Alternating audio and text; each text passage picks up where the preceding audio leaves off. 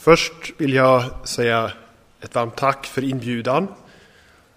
Och eh, direkt vill jag också framföra en varm hälsning från, vår, från min församling i Göteborg, Immanuelförsamlingen, till vår vänförsamling, till er alla här. En glädje över utbytet som vi har haft genom åren. Eh, en glädje över era förböner. Eh, liksom vi varje söndag ber för vår vänförsamling i Bergen. Eh, en glädje över besöket i november från, från er pastor eh, som ville avsätta tid för oss, till stor glädje. Och med denna bild också ett, vill vi säga ett varmt välkommen till er alla om det så bara skulle vara för att ni behöver ett plats att övernatta när ni åker förbi så är det möjligt. Den här eh, kyrkan som ni ser eh, har också många rum runt omkring. Ja, många rum. Och, och här kan man övernatta faktiskt. Eh, så det vill vi gärna säga som en möjlighet till er. Den här kyrkan, jag tänkte jag ville visa bilden från vårt gudstjänstrum. Jag, jag, jag jag tänkte på det, det är ganska många likheter med, med er kyrksal här.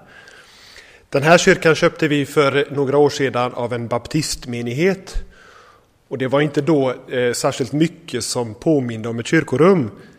Så när vi flyttade in så ville vi på olika sätt eh, gestalta eller illustrera eller ordna så att man skulle förstå vad man har kommit till när man kommer till Guds hus och till gudstjänst. Och om ni tittar noga så ser ni att det är två portar som är öppnade. Eh, och den blåa bakgrunden längst bak ska ju då å ena sidan leda våra tankar mot koret event emot mot öster. Det är blicken mot Jesu återkomst, våra böner riktas mot honom. Men portarna är inte öppnade utåt utan inåt. För vilka portar är det här, det här de här portarna ska leda våra tankar till?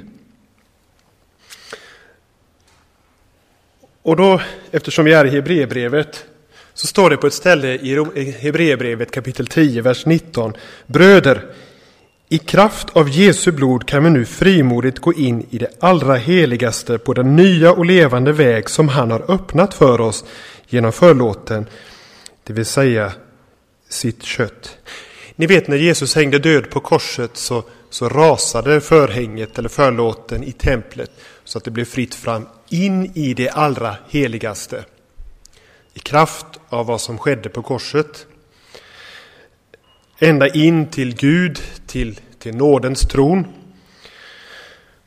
Och så vet vi det att vägen in ska se det, går genom det heliga dopet. In i det allra heligaste. Portarna är öppnade inåt. Vi ska tänka på att vi är på insidan. Och vägen in, det sker så som vi läste i texten här genom Jesu offrade kropp hans kött. Och vad är det som ger oss frimodighet att, att vara kvar här inne i det allra heligaste? Jo, det är Jesu blod, Kristi blod, som blir för dig utgjutet till syndernas förlåtelse. Just här inne vid detta bord, dit vi liksom träder fram och tar emot.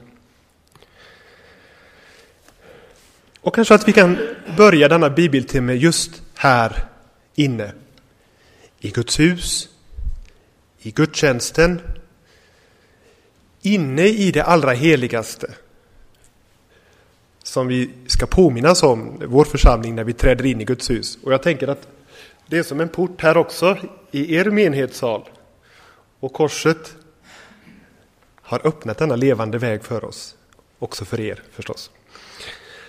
För jag tror så här att, att Hebreerbrevets eh, mottagare församlingen som hörde detta, de var samlade till gudstjänst. Det finns de som menar, jag har hämtat mycket inspiration från eh, den här bibelkommentaren, John Kleinicks Commentary on Hebrews. Det är mycket som tyder på att detta brev är en skriven predikan och att vi får en inblick i en nytestamentlig predikan. Och första predikan naturligtvis hölls live, men sedan så skrevs det ner och cirkulerade bland församlingarna. Och man märker att brevet i sin helhet är härstammar ifrån en typisk judisk synagogsgudstjänst. Ni vet, man hade läsningar ur lagen, ur profeterna, ur skrifterna.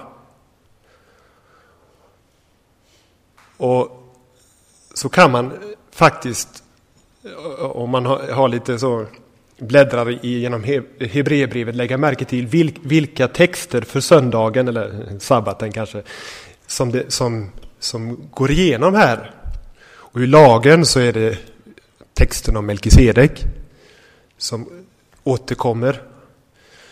I Saltaren kanske ni kan lista ut.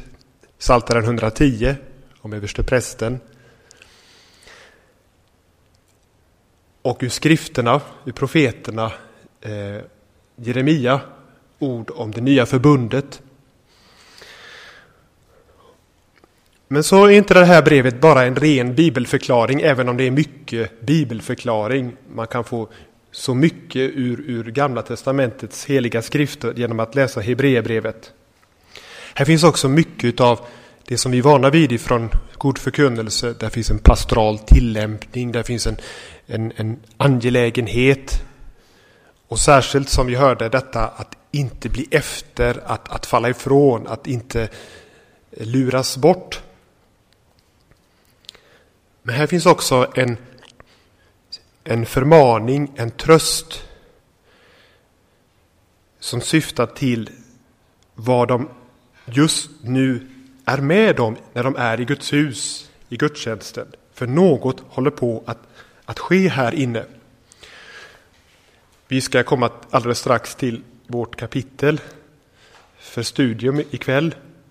Men det slutar med denna formuleringen. Låt oss gå fram till nådens tron. Och detta ord låt oss, det kommer tillbaka på så många ställen. Det är som att predikanten Låt oss nu, låt oss och de här orden, låt oss nu gå fram till nådens tron. Det är inte bara en ren tankeövning, utan en väldigt uppmuntran och uppmaning till att gå fram till den nådens tron som har ställts fram för dem vid det dukade bordet vid Herrens heliga nattvard. Och de här formuleringarna låt oss, eller la oss, heter det kanske på norsk, det, det, det återkommer hela tiden i vår gudstjänst. La oss be, låt, låt oss bekänna, låt oss tacka och lova Herren. Låt oss, det, det är gudstjänstspråk.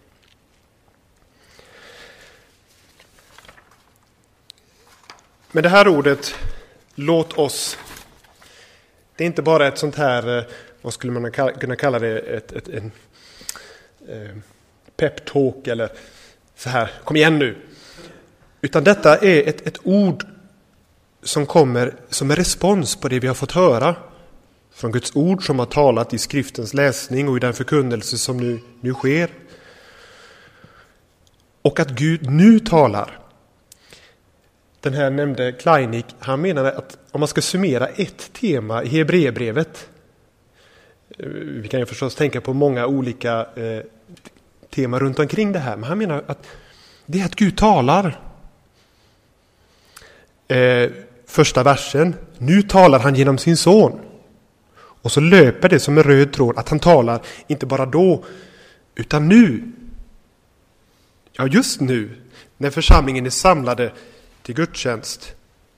Nu talar han på riktigt. Och det är just därför som det är viktigt. Idag, om du hör Herrens röst, så förhärda inte ditt hjärta när han talar.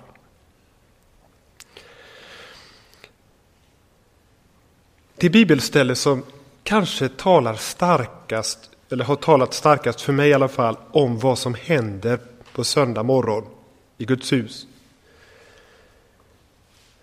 Och när jag såg det här första gången så var det på något sätt som jag var tvungen att gnugga mina ögon så här. Står det här verkligen i Bibeln? Så detaljerat, så perfekt. så att det passar som handen i handsken in på det vi håller på med i vår gudstjänst. Och de orden som jag specifikt tänker på är Hebreerbrevet kapitel 12. Och jag läser på svenska och, och vill du läsa i din norska bibel så är det kapitel 12, vers 22 24. Där står det Nej, ni har kommit till Sions berg och den levande Gudens stad, till himmelska Jerusalem och till änglar i mångtusental, till en högtidsskara, en församling av förstfödda som har sina namn skrivna i himlen, till en domare som är allas Gud och till andarna hos de rättfärdiga som nått fullkomningen. Ni har kommit till det nya förbundets medlare Jesus och till det renande blodet som talar starkare än Abels blod. Lägg märke till några detaljer här. Först så säger han, predikanten, vi vet ju inte riktigt vem det är som har först talat dessa orden och sen skrivit ner det. Ni har kommit, det är församlingen som har samlats till gudstjänst. Kanske var det judikristna. Eh, om det var så här att, att templet fortfarande stod i Jerusalem eller inte låter jag vara osagt. Det mesta är väl att det faktiskt står där. Annars så skulle man kunna säga ungefär vad var det jag sa. Men en tilltagande eh, främlingskap bland sina judiska bröder tror jag att man upplevde. Kanske var man samlade inte i tempel eller synagoga utan i, i ett trångt hem hos någon. Och så får man höra. Du kanske tycker att det här är trångt och eländigt och du, det är svårt med dina brö, judiska bröder. Ni har kommit. Här inne, du har kommit. Ni har kommit. Inte ni ska komma en gång sen vid slutet av allt. Utan ni har i perfektum, här och nu. Det är något som har kommit till oss som en osynlig verklighet, men som, som en verklighet. Och när Guds ord talar så talar han ju hur verkligheten är. Så att om vi inte känner eller, eller ser så spelar det inte så stor roll för nu talar Gud. Och det är det som är det viktiga. Och han säger nej, ni har kommit. Och det ska förstås stå i kontrast till det han precis har sagt. Där han säger Ni har inte kommit. Och så radar han upp sju saker som de inte har kommit till. Det är Sina i berg och töcken och eld och, och till slut ni har inte kommit till en röst som talade sådana ord att de som hörde den bad att få slippa höra mer. De stod inte ut med det som befalldes. Även om det är ett djur som rör vid berget ska det stenas. Så skräckinjagande var synen att Moses sa Jag är skräckslagen och darrar. Nej, dit har du inte kommit. Ja, men vart har vi då kommit?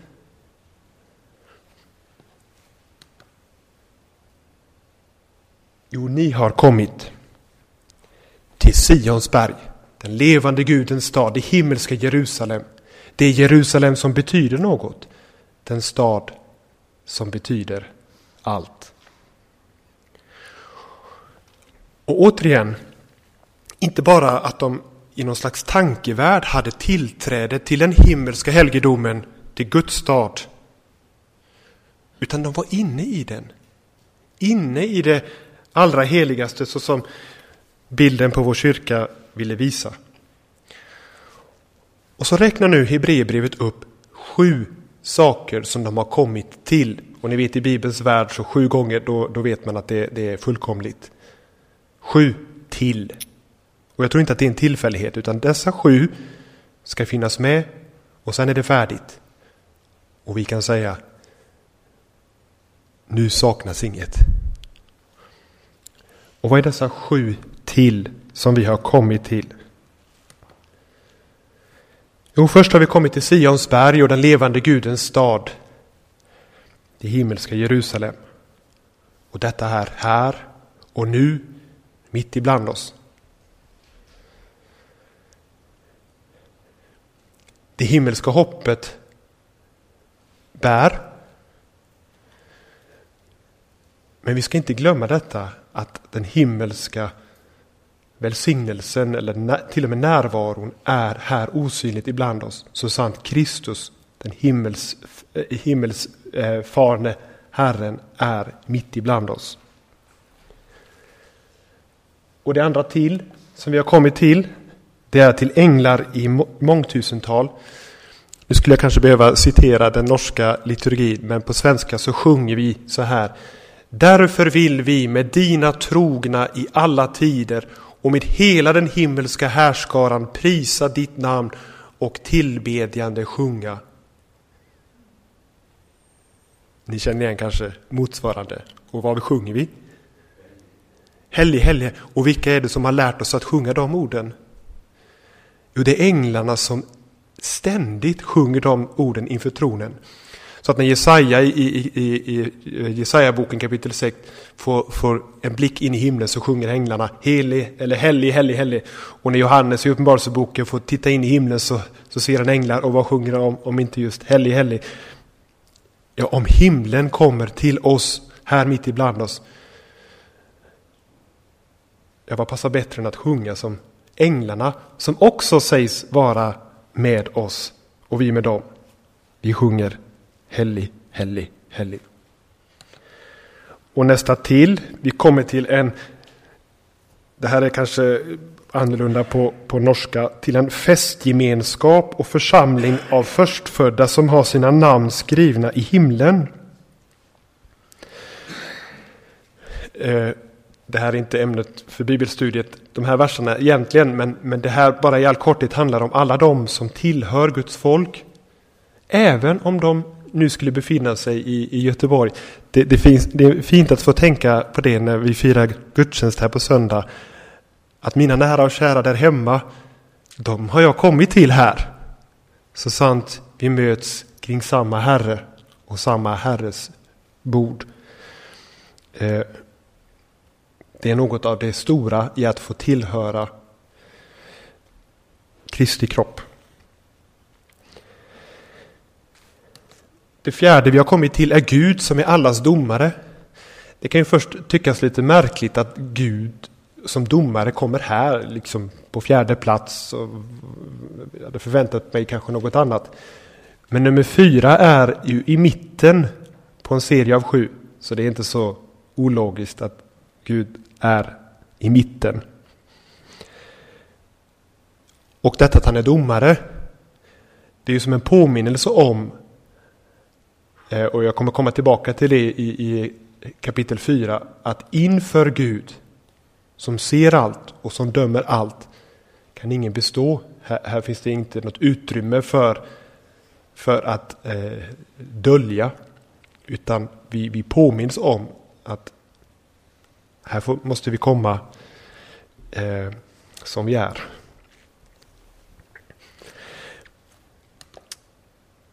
Eh, det femte till är till andan av rättfärdiga som nått fullkomningen. Och då fokuserar det på dem som har gått före i tro. Och eh, jag är övertygad om att det här betyder mycket för många när man tänker på nära och kära som har lämnat oss. Vi har kommit till dem också. vi hör ihop i den heliga allmänneliga kyrkan.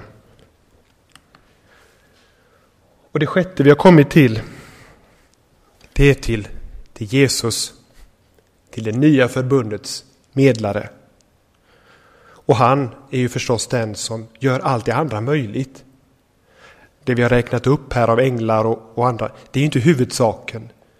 Men det hör till frukterna av vad han har gjort. Medlaren och det är han som har gett sitt löfte om att vara mitt ibland oss. När han talar, när han dukar sitt bord för oss. Och han låter sin röst höras. Hans ljuva röst av nåd och frid. Det är något annat än rösten från Sina i berg som de inte står ut med att höra. Men denna rösten det finns ett allvar i hans röst. Och det ska vi komma tillbaka till.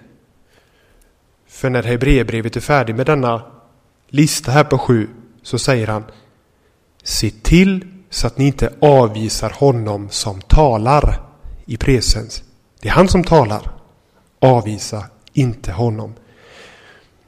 När han nu kommer med så stor nåd och barmhärtighet. Och att det är ett större allvar att förkasta honom än om man förkastar Gud på Sinai berg. Man kunde kanske tänka att ja, men nu, nu är allt färdigt. Men det fattas ett sjunde till. Och det är att vi också, ursäkta, också har kommit till det renande blodet som talar starkare än Abels blod. Och det här är en av de där detaljerna som jag, jag fick gnugga mina ögon. Att det sjätte till är att vi kommer till Jesus. Och det sjunde till är att vi kommer till hans blod. Vi ska inte ställa de här emot varandra förstås, utan tillsammans. Här kommer det sjunde och sista, det dyrbaraste av allt som, som fullkomnar allt det andra.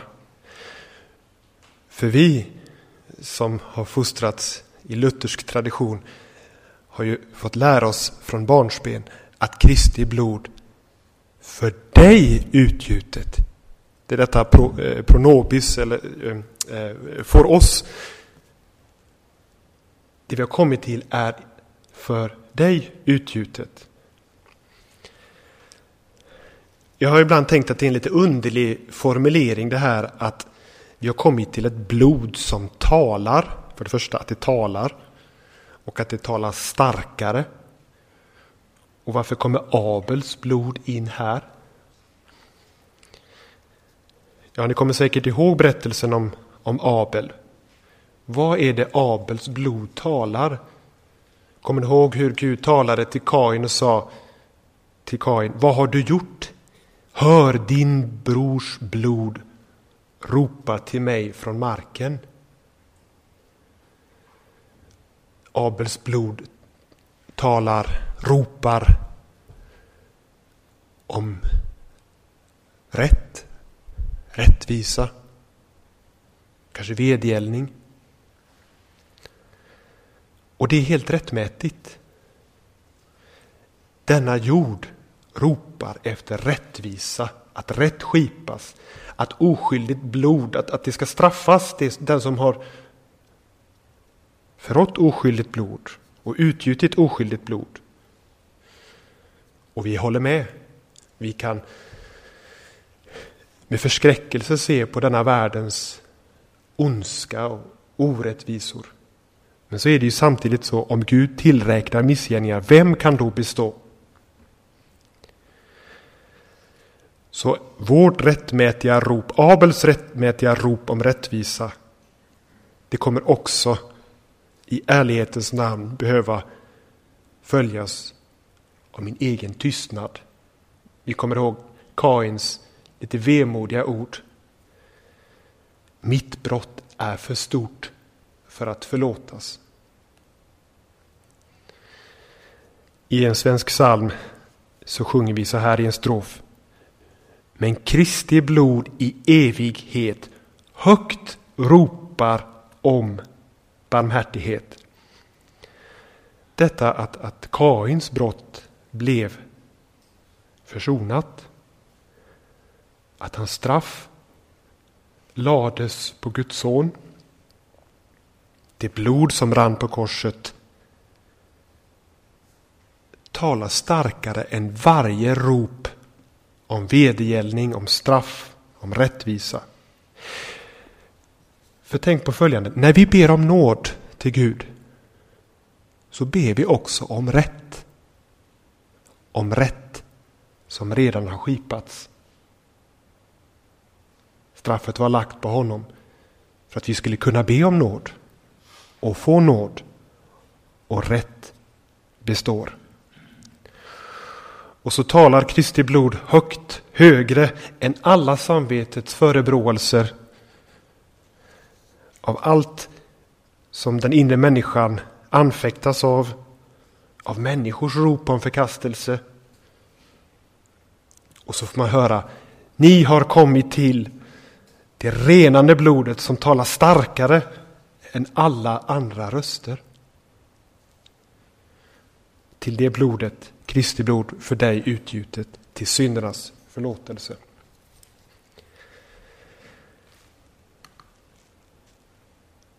Och då är Hebreerbrevet hans förmaning. Se till att ni inte avvisar honom som talar och som nu har talat.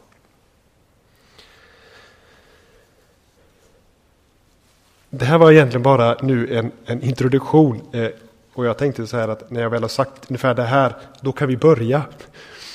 Eh, och, och, läsa den första eh, eh texten. Och eh,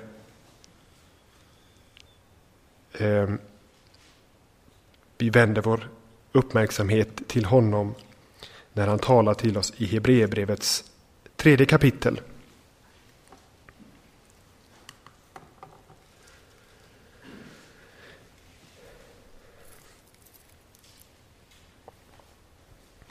Och jag läser på svenska här för att ni ska höra hur det låter på grannspråket. Men eh, ni får läsa med i era norska biblar. Därför, heliga bröder, ni som har fått del av en himmelsk kallelse, se på Jesus, den apostel och överste präst som vi bekänner oss till. Han var betrodd av den som hade insatt honom, liksom Mose var betrodd i hela Guds hus. Men Jesus är värd mycket större ära än Mose, liksom byggmästaren är värd större heder än själva huset. Varje hus är byggt av någon, men Gud är den som har byggt allt. Mose var betrodd som tjänare i hela Guds hus, men Gud är den som har byggt allt. Mose var betrodd som tjänare i hela Guds hus för att vittna om det som senare skulle förkunnas. Men Kristus är betrodd som son att råda över Guds hus. Och hans hus är vi när vi håller fast vid vår frimodighet och vårt hopp som vi berömmer oss av. Nu tänkte jag inte utlägga detta så mycket för det här hänger, det här hade Johannes kunnat eh, knä in eh, som ett litet sånt Eh, Eh, tillägg till, till de första två kapitlen. För här har det talats om att, Gud, eh, att Guds son är större än änglarna och här får vi höra att han är också större än, än Mose. Och att templet som Mose förestådde, det har nu liksom uppgraderats. Och så står det här att detta Guds hus, det är vi. Och Kristus är byggherre.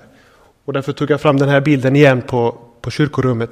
Om vi tänker på att vägen in har öppnats genom hans offer för dig utgjutet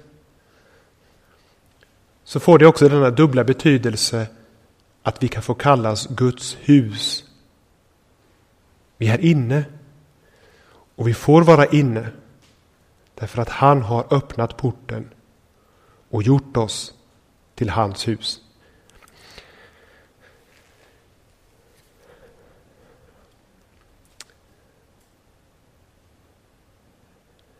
Eh, vi går vidare till, den, till det som är huvudstycket för vårt bibelstudium ikväll, nämligen de återstående verserna av kapitel 3 och 4.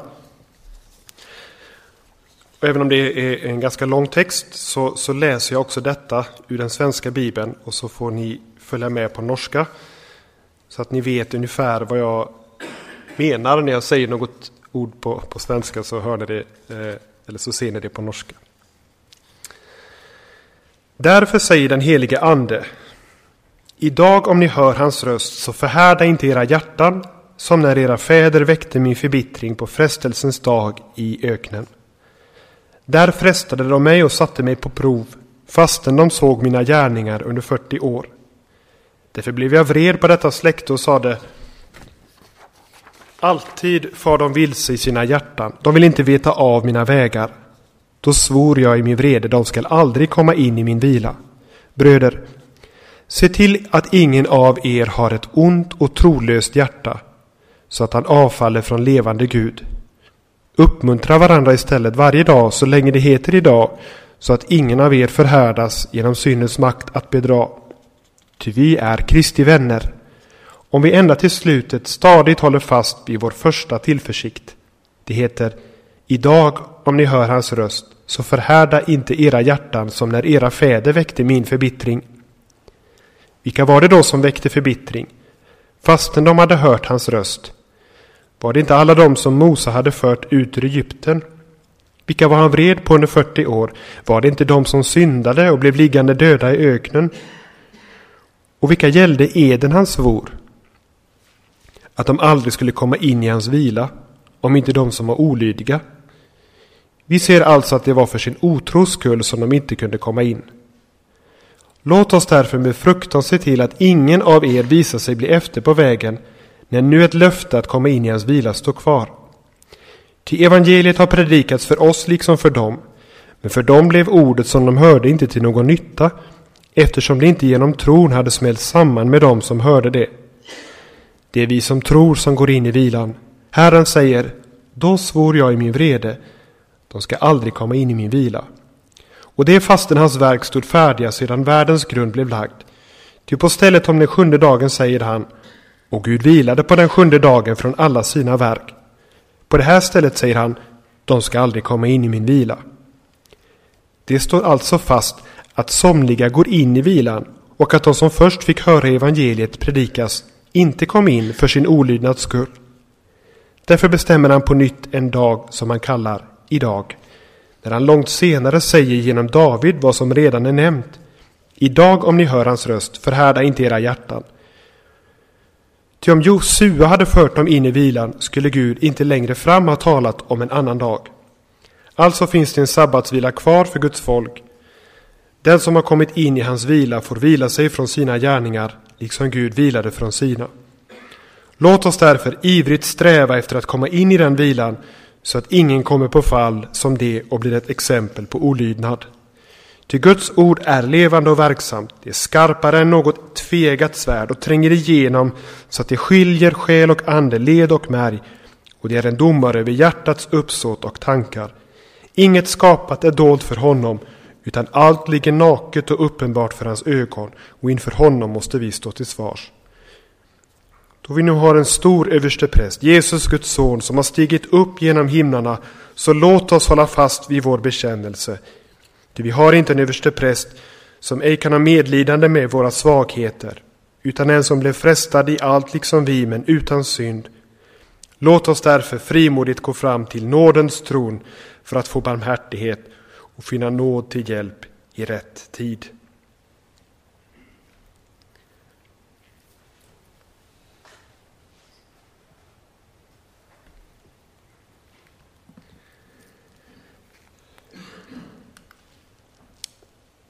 några tillämpningar här. För det första så låter Jesus sin röst, hans levande röst, tala till församlingen, till oss, mitt i gudstjänsten. Och hans ord är inte torra och livlösa, intetsägande. Det är inte heller en, en, när vi hör ordet talas, en historielektion eller en faktalektion utan det här är ande och liv som förmår att utföra det som det är sänt till att göra. Bakom de här orden, bakom Hebreerbrevet, bakom predikanten så står en person som är Gud själv, Jesus själv. Och det är på grund av vem Jesus är och på grund av att han har talat och nu talar som den helige ande säger som vi hörde, idag, om ni hör hans röst, så förhärda inte era hjärtan. Här, nu, se till att ni inte avvisar honom som talar.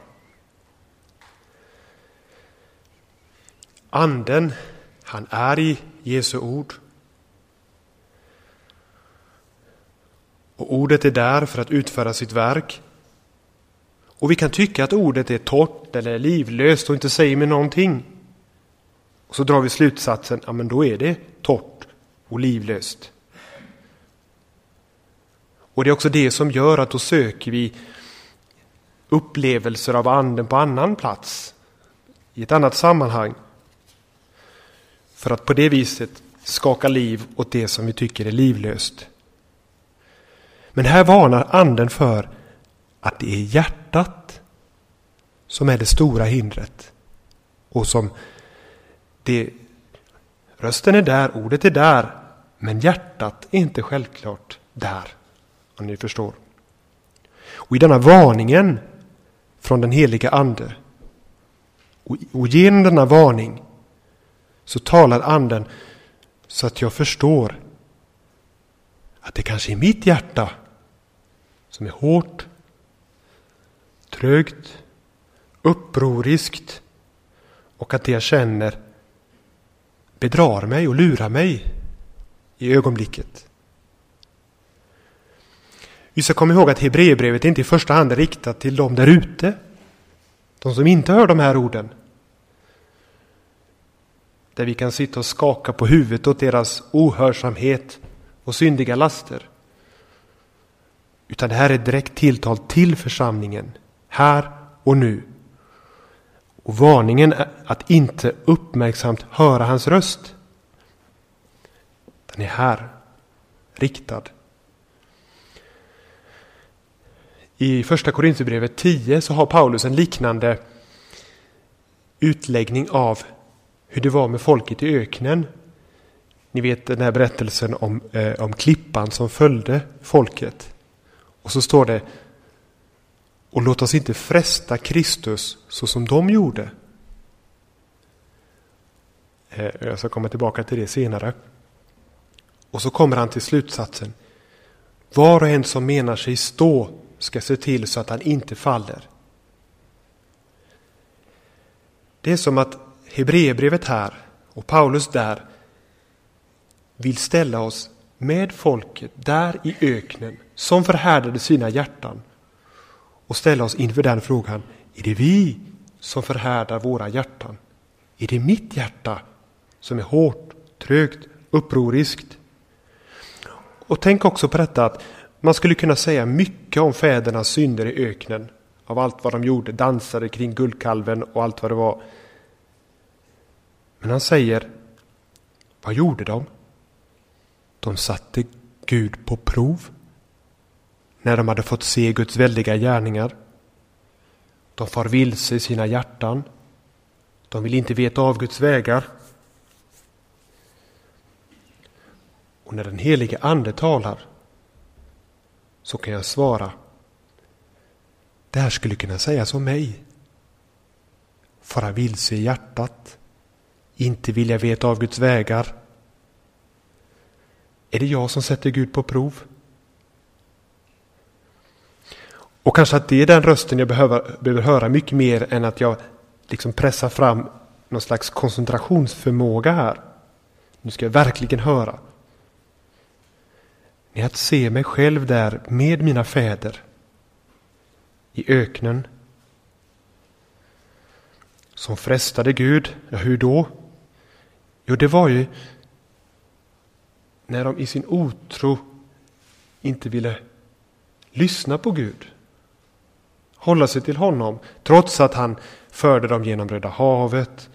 De fick vatten ur klippan, manna ur, eh, från himlen, kopparormen, Sinai berg. Och trots att de såg allt detta, fick allt detta, så ville de inte veta av Guds vägar. De ville ändå bestämma själva. Och de får vilse i sina hjärtan. Och när Hebreerbrevet talar om syndens makt att lura eller, eller bedra. Hur kan synden lura mig? Ja, kanske är det den faran att inte se och kännas vid den synd som finns där. Eller den syndens potential. Den lust att vara likt fäderna i öknen. Synden kan lura också mig. Så att fäderna där i öknen, de är som speglar för oss och ska vara speglar. Precis som alla sorters syndare ska vara för oss. Så till exempel i en tjuv ska jag se mitt eget habegär. I en lögnare ser min egen falskhet. I förtryckaren ser jag mitt eget kontrollerande. I rövaren min egen bortvändhet från Gud. I Petrus min egen förnekelse. I David mina egna begär. I Paulus när han var som ivrigast min egen blindhet. Och i Israels barn där i öknen min egen önskan om att gå egna vägar.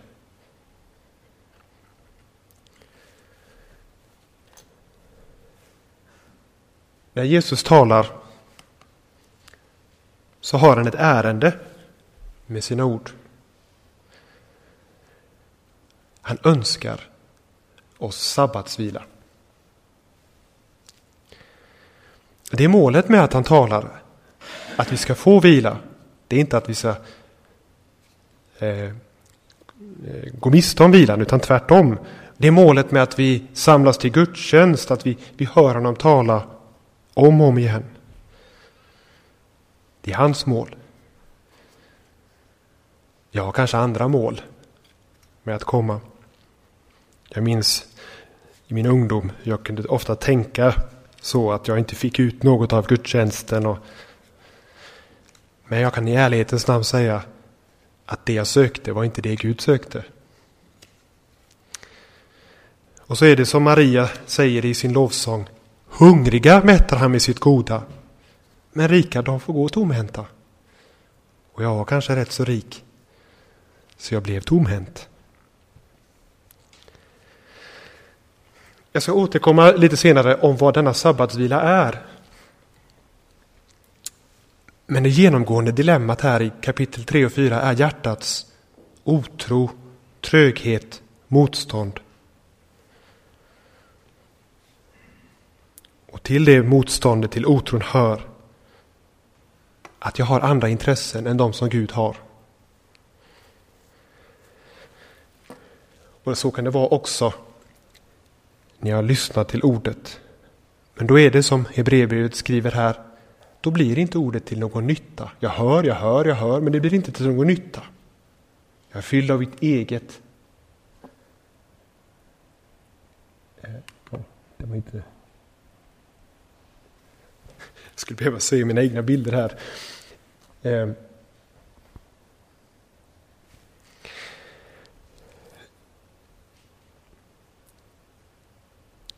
på svenska så lyder det så här att eh, det blir inte till någon nytta eftersom ordet genom tron inte hade smält samman med dem som hörde det. Och ett sådant hinder är att jag lyssnar på Gud efter det som ska bekräfta mig i min vilja och i min tro. Istället för att se, är det så kanske att min vilja står i konflikt med hans vilja? och böja min vilja under hans vilja. Till slut tro att hans vilja ändå är bäst. När Gud varnar för konsekvensen av att inte lyssna i tro, nämligen detta att gå miste om vilan, så är varningen en del av det som Gud använder för att göra något åt det som han ser i människans hjärta, nämligen otron. Och syftet? Han vill skapa tro och bereda väg för vilan. Det är vi som tror som går in i vilan, stod det. Men då behöver mitt öra för det första lyssna i tro. Och den sanna tron är öppen för att det kanske är otro med i bilden. Att fädernas otro där i öknen det kanske lurar här inne i mitt eget hjärta. Ni kommer kanske ihåg mannen som bad, sa till Jesus, jag tror, hjälp min otro. Och någon har sagt så här att det sista sa mer om hans tro än det första. Min otro. Vad är det som lurar mig? Vad är det som jag inte ser? Eller ett annat sätt att uttrycka det här. Det är bara den som har fått sin syn som ser. Och då ser han hur blind han har varit och hur blind han är. Och hur beroende han är av att Gud ger syn. Herre, ge mig min syn. I ditt ljus ser jag ljus och alldeles och utan ditt ljus så ser jag inget hur mycket jag än tycker att jag ser.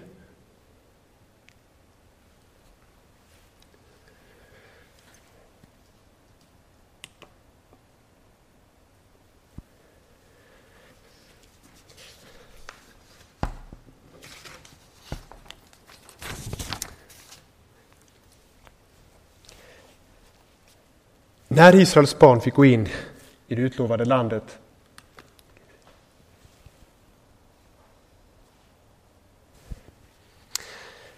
efter 40 år i öknen så kan man ju tänka att det där måste ha varit en fantastisk sabbatsvila. Äntligen får vi komma fram. Men då hade så många fallit i öknen, som vi vet. En hel generation. Och de föll för sin otros skull. De ska aldrig komma in i min vila, hade Gud sagt. Och då visade det sig att det var inte kanan som var den egentliga vilan. Då kunde man ju tänka, äntligen är vi framme. Utan vilan låg i att lyssna till Herrens röst. När David långt senare i Saltaren och när Hebreerbrevet ännu senare och vi här idag, långt, långt, långt senare, hör de här orden så ställs vi inför detta. Idag om ni hör hans röst så förhärda inte era hjärtan. Det finns en vila att gå miste om också för oss. Eller om man ska vända på det. Det finns en sabbatsvila kvar. Så att det, de som kom in i kanan, det var inte de som var lyckliga eh, ensamma här. Utan sabbatsvilan sitter djupare än i landet och till och med djupare än i sabbatsdagen, det sitter i att höra Herrens röst. Och lägg märke till att fäderna, här står, de hörde evangeliet precis som vi. Det är en väldigt underlig formulering. Vems röst hörde de egentligen? Vad, vad var innehållet i det de hörde? Vi ska inte tänka att fäderna i öknen var, var liksom extra... Eh, nej, poängen är här att också vi, precis som de, kan falla offer för otrons fara. Jag tog fram den här bilden, ni får ursäkta eh, lite självupptaget där. Det här är en liten småskrift. Jag tog med några exemplar. Det jag, boken heter Kristus före Jesus.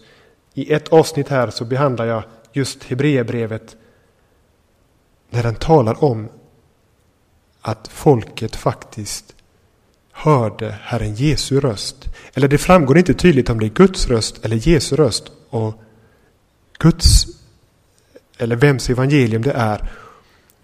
Och, och, och min slutsats är att man ska inte välja, utan det är både och. Kristus är där, hans röst är där, så sant. Vi är med dem i öknen. Men jag, jag utvecklar inte här eh, i detta föredrag, utan ni får gärna titta på detta efteråt. Kristus i skriften, han i öknen.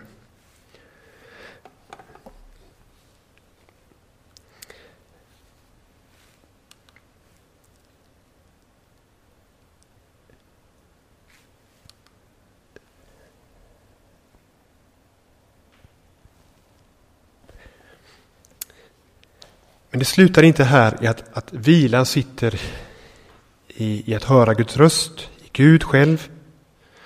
Utan Hebreerbrevet nämner här en annan vila för att beskriva hur vilan i Gud ser ut när han skriver Den som har kommit in i Guds vila får vila sig från sina gärningar liksom Gud vilade sig från sina.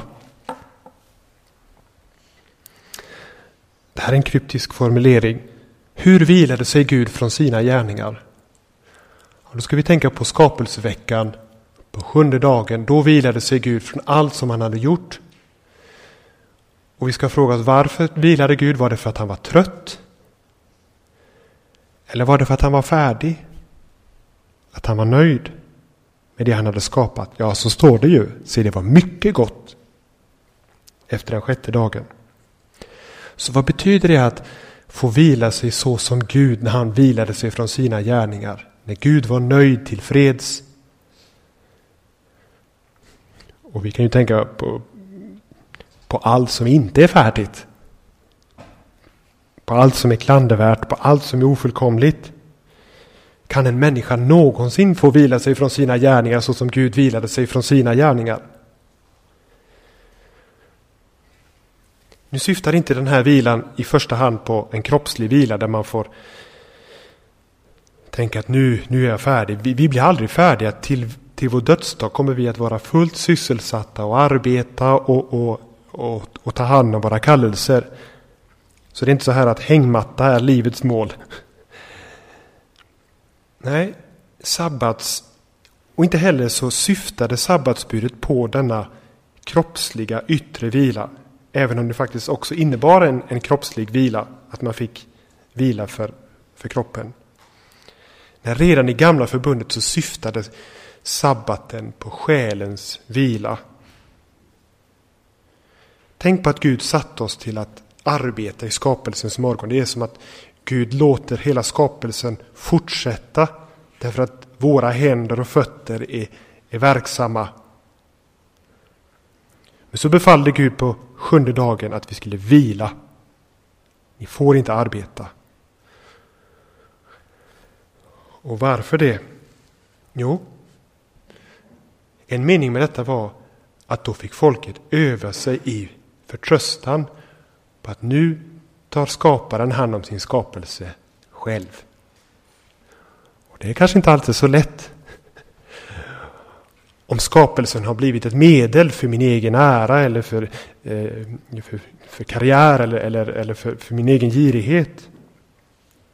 Allt står inte och faller med mig och mitt arbete utan med honom och hans arbete. Och där finns den verkliga vilan. Och det var det som sabbatsbudet också ville påminna om. Gud är Gud. Vi är folket i hans jord. Det är bara hos Gud som min själ har ro. Men under allt arbete som vi också ägnar oss åt så pågår ett annat arbete som härstammar ifrån våra hjärtan, begär och tankar. Det arbete som gör oss trötta är inte i första hand våra händers arbete, utan det är arbetet under arbetet. Har ni tänkt på det? I vår tid så har vi aldrig haft så mycket ledighet och semester som vi har nu. Och vi har aldrig haft så mycket utbrändhet och stressrelaterade sjukdomar. Men vad är det för ett arbete under arbetet som inte kommer till ro? Vad är det som driver oss? Varför blir vi så stressade? I början på det för, eh, första år, eller förlåt, det förra århundradet, alltså 1900-talet, medan man fortfarande helgade sabbaten på traditionellt vis, så var det en psykolog som myntade begreppet söndagsneuros. Och det var så att, att, under veckorna så arbetade människorna hårt. Men så kom denna dag av, av overksamhet och man inte gjorde något. Och då var det som att då kom själen, själens röst fram och kom till tals. Samvetsförebråelserna. Allt det som var ogjort. Den inre oron. Söndagsneurosen. Detta arbete med att upprätthålla mitt liv, min själ, att rättfärdiga mig själv inför, mig, inför andra, inför mig själv, inför Gud. När detta avsnitt sen går över i själva avslutningen så ska vi inte bli så förvånade över att det talas om ordet.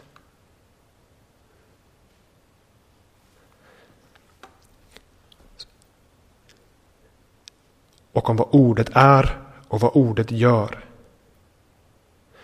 Och vi tänker att Guds ärende är sabbatsvila.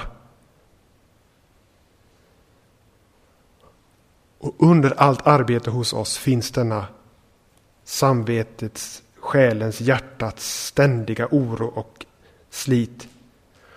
Att ordet också är ett genomträngande svärd som tränger ner till hjärtats tankar och motiv som vi läste. Dit måste ordet tränga ner för att denna sabbatsvila ska bli verklighet. Arbetet under arbetet, hjärtats uppsåt och tankar. För vi hörde också, alltid får de vilse i sina hjärtan. Där upphör vilan, men där börjar också vilan.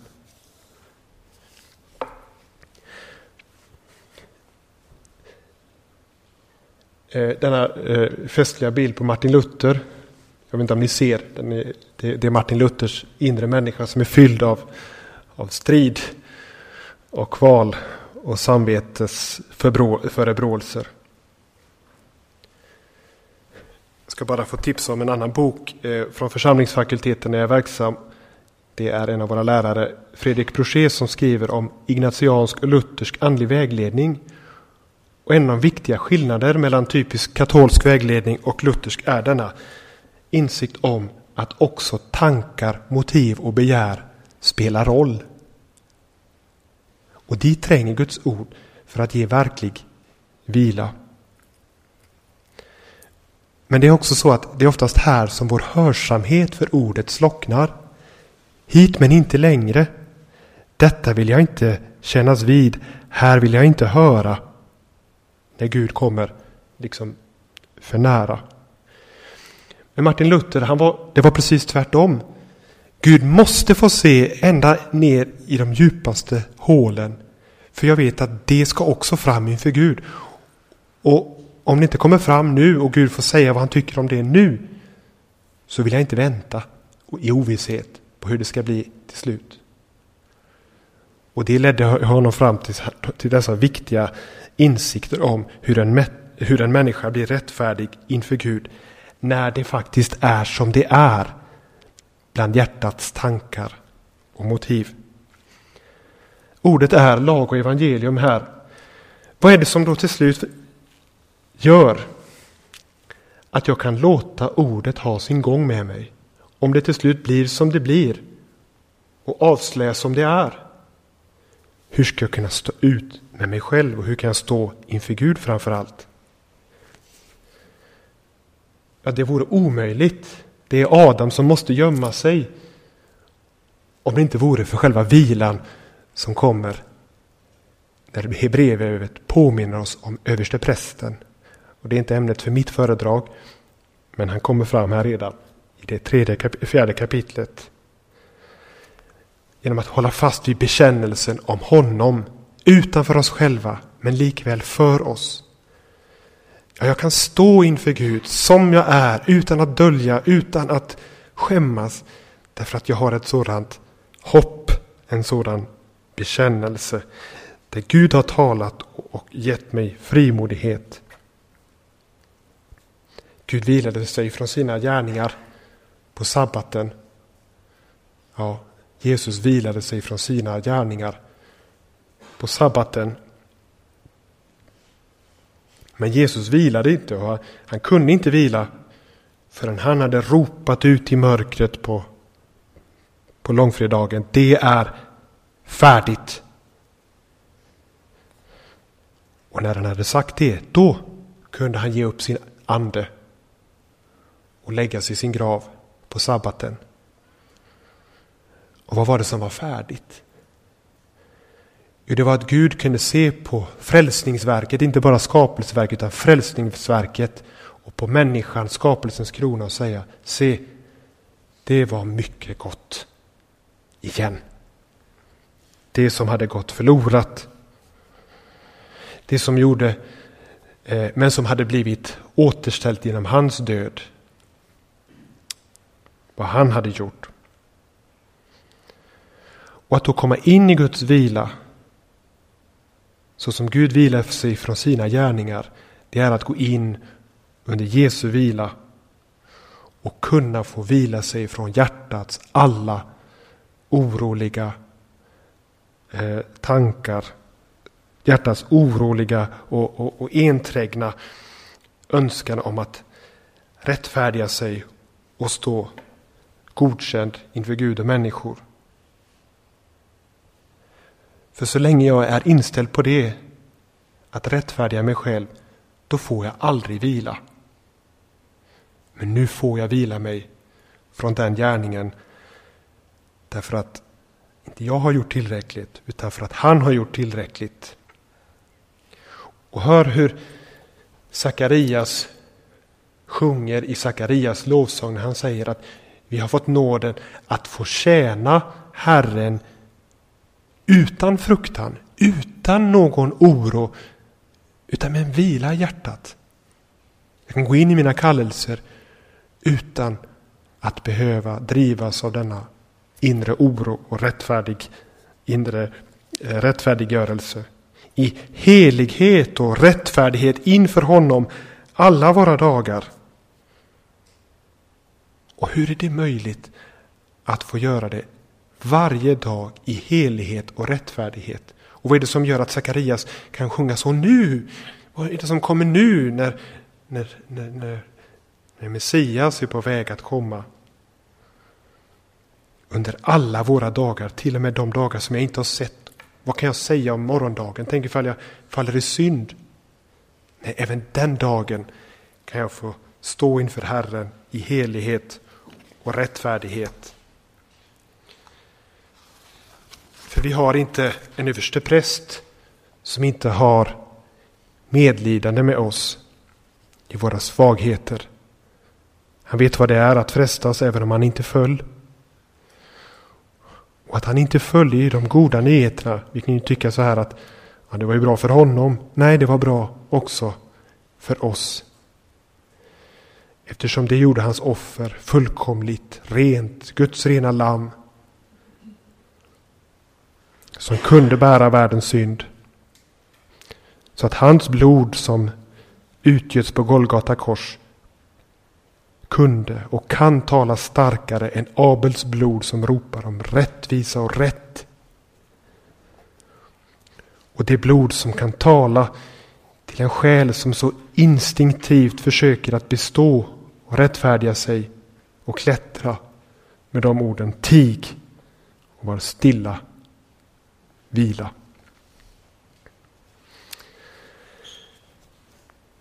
Ska vi se, nu måste jag avsluta här. Sammanfattningsvis